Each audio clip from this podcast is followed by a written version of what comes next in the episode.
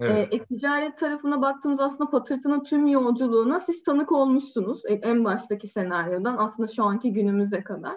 Evet. Ama 2020 yılı çok bambaşka bir yıl oldu ve hiç kimsenin öngöremediği, e, hiç bu kadar köklü bir değişimi beklemediğimiz bir yıldı.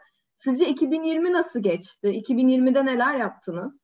Yani e, 2020 aslında bizim için çok iyi geçmedi. Ben öncelikle onu söyleyeyim. E-ihracat tarafından iyi geçti. Evet, orada mesela e, iyi e, şeyler oldu e, bizim açımızdan ama e, yani normal anlamıyla e, de, patırtı özelinde değerlendirirsen e, çok böyle aşırı iyiydi diyemem. Çünkü bizim yoğunluğumuz elbise ve abiye üzerindeydi. Yani düğünlerin iptal olması bizi kötü olarak e, etkiledi. E, çünkü bizim e, satışların yüzde 60'ı neredeyse abiye ve elbiseden geliyordu. Tabii Mart ayında çok ciddi bir sarsılma yaşadık. Yani düğünlerin iptal olması, nişanların, davetlerin işte vesaire bu tip şeylerin olmasıyla çok ciddi sarsıldık ama şöyle bir güzel tarafı oldu. Abiye elbise dışında satış yapabileceğimiz ve yükseltebileceğimiz kategorileri gördük. Yani mesela bizde eşofman, işte pijama, eşofman takımları falan işte basic e, takımlar bunlar böyle çok iyi durumda değildi Vanessa'nın. Ama biz bunların nasıl iyileşebileceğini gördük ve aynı satış rakamlarını nasıl yakalayabileceğimizi e, işte görmüş olduk. E, aynı banda oturttuk yine e, şükür yani hani bir iki ay sonrasında, üç ay sonrasında. Tabii e, e-ticaretten Türkiye genelinde değerlendirirsek işte yani neredeyse 3 yıllık, 4 yıllık büyüme e, böyle bir 6 ayda, 7 ayda yaşandı. E, tabii kimse şey değildi, hazırlıklı değildi buna. E, yani ben iyi olduğunu düşünüyorum. Bu, bu süreç yaşanacaktı zaten, olacaktı. Sadece kısa bir süreye sığdırmış olduk. Yani orada aslında biraz da ön planda olan ürünler, kategoriler değişti. İşte değişti, evet. e, kullanıcılara nasıl gidebiliriz? O biraz farklılaştı. Aynen Çünkü öyle. bir anda abiye ve elbise kategorisinden aslında o dönemi de e, hem de patırtı tarafında konuda hatırlıyorum. Çok ev yaşam üzerine kurguladık. Çok fazla e, evde kal stratejileri uyguladık. Aslında bir çeşitte marka ve kullanıcı arasında bir etkileşim yaratmaya çalıştık. Yani takip ederek çünkü on, o zamanki senaryoda e, elbise al demek, abiye al demek kullanıcılara o ürünleri göstermek çok da doğru olmadı. Yani bu noktada evet stratejinin farklılaşması zaten gerekiyordu. Peki 2021 nasıl geçecek? Yani 2021'in şu anda ilk çeyreğini tamamladık. Ya pandemi yine devam ediyor. Yine e, iyi kötü bir şeyler aslında kafamızda oturmaya başladı. Ev yaşam kategorisi de ön planda. Belki abiye eskisi kadar yok diyemiyoruz ya da elbise eskisi kadar yok diyemiyoruz. Aslında bu dönemde belki iki stratejiyi de götürmeye çalıştığımız bir dönemde olacak. 2021'de neler yapacağız? Yani bizim için çok güzel geçecek. Ben ona eminim. Özellikle yaza çok iyi gireceğiz. Ee, ve çok ciddi bir stoğumuz var. Yani biz bu dönemde e, stok yatırımı yapmayı, yeni modeller yatırımı yapmayı ihmal etmedik. Aslında bizim gibi sektörde olan birçok marka bu taraftaki ilişkisini kesti mesela. E, ama biz hani rakip analizi yaptığımızdan dolayı görüyoruz. Ama biz bunu kesinlikle kesmedik. Depoyu doldurmayı ihmal etmedik. Şu an mesela çok hazır bir şey var. Üstü böyle birazcık tozlanmış ama e, efsane hazırlıklı bir stok var. E, sadece işte Mayıs ayını falan bekliyor diyebilirim. Mayıs-Haziran ayını bekliyor.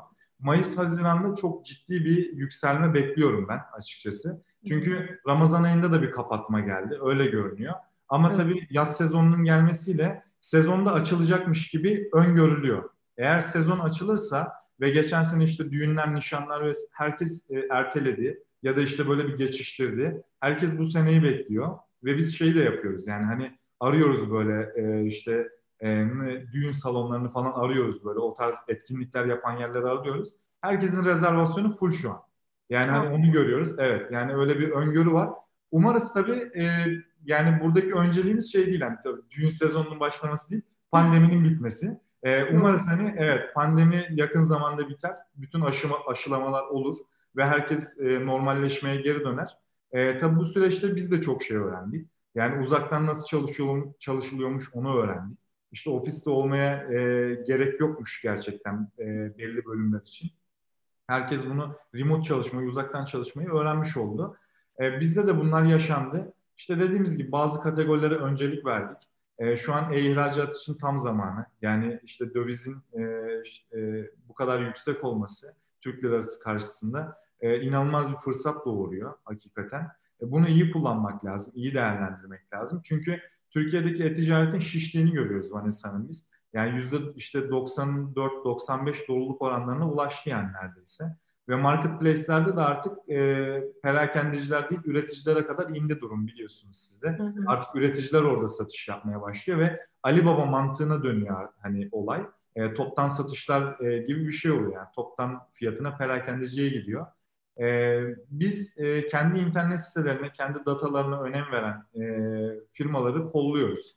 Ve bu noktada pazar yaratan firmaları kolluyoruz. Tabii bunlardan bir tanesi de biziz çünkü.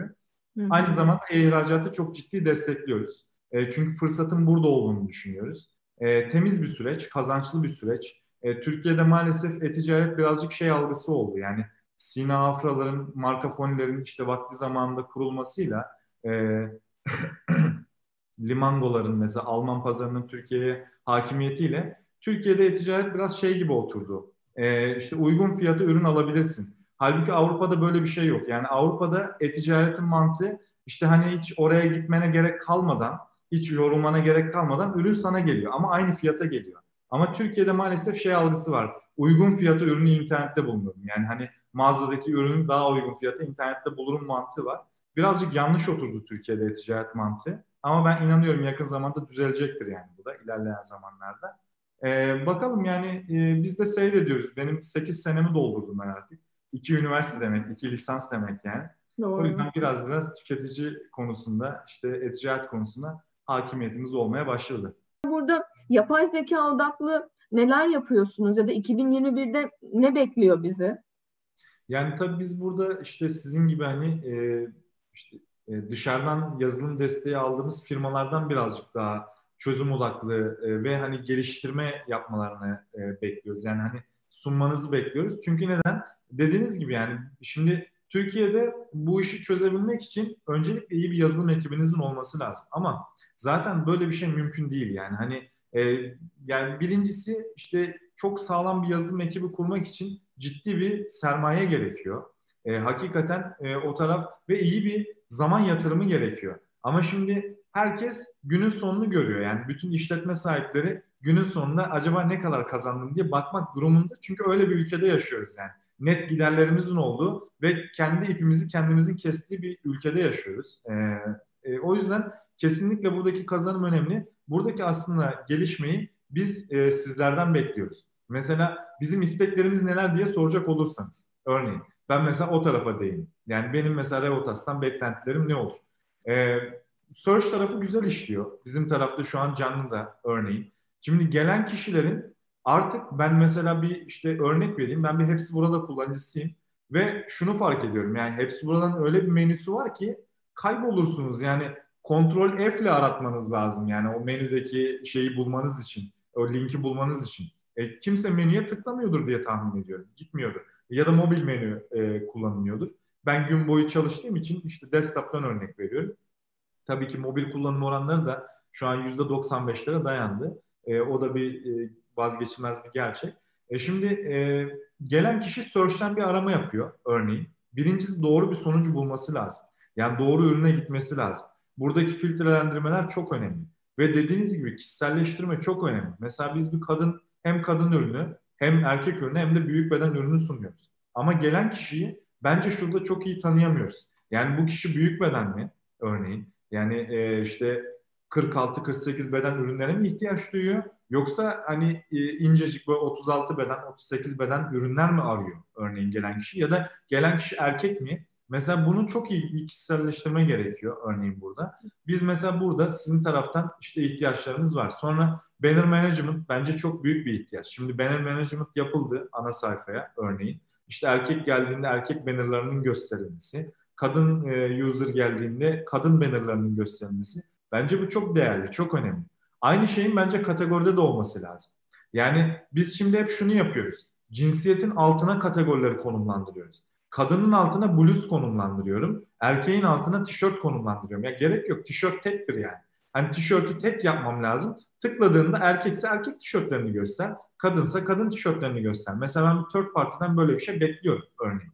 Yani Revotas'tan böyle bir seçenek sunarsa bana yani e, öncelikli kesinlikle denerim yani. Hani böyle bir şey e, seçeneği. Çünkü çok değerli bizim için. E, e, dediğiniz gibi yapay zekaya gidiyor olay.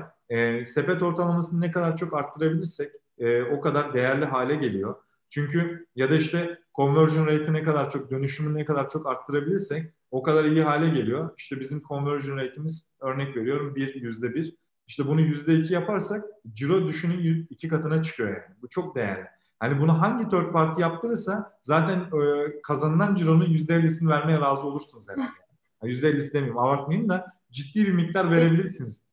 Aynen duydum ben orada. Aynen yani ciddi bir miktar verebilirsiniz yani. Bunlar mesela çok değerli şeyler. Ee, şimdi bunları geliştirmeniz için sizin hani search'ü mü geliştireceksiniz? Smart widget'ları mı geliştireceksiniz? İşte banner tarafını mı geliştireceksin, kategoriyi mi geliştireceksin? Daha birçok konu var mesela bununla alakalı. İşte push tarafı var. Segment push'lara dağılıyor olay. App push'a giriyor mesela. Hmm. İşte mail tarafı var. Mail segmentleri var. E şimdi bunu geliştirmeniz için Vanessa bir 50 kişilik bir ekip olması lazım. Doğru.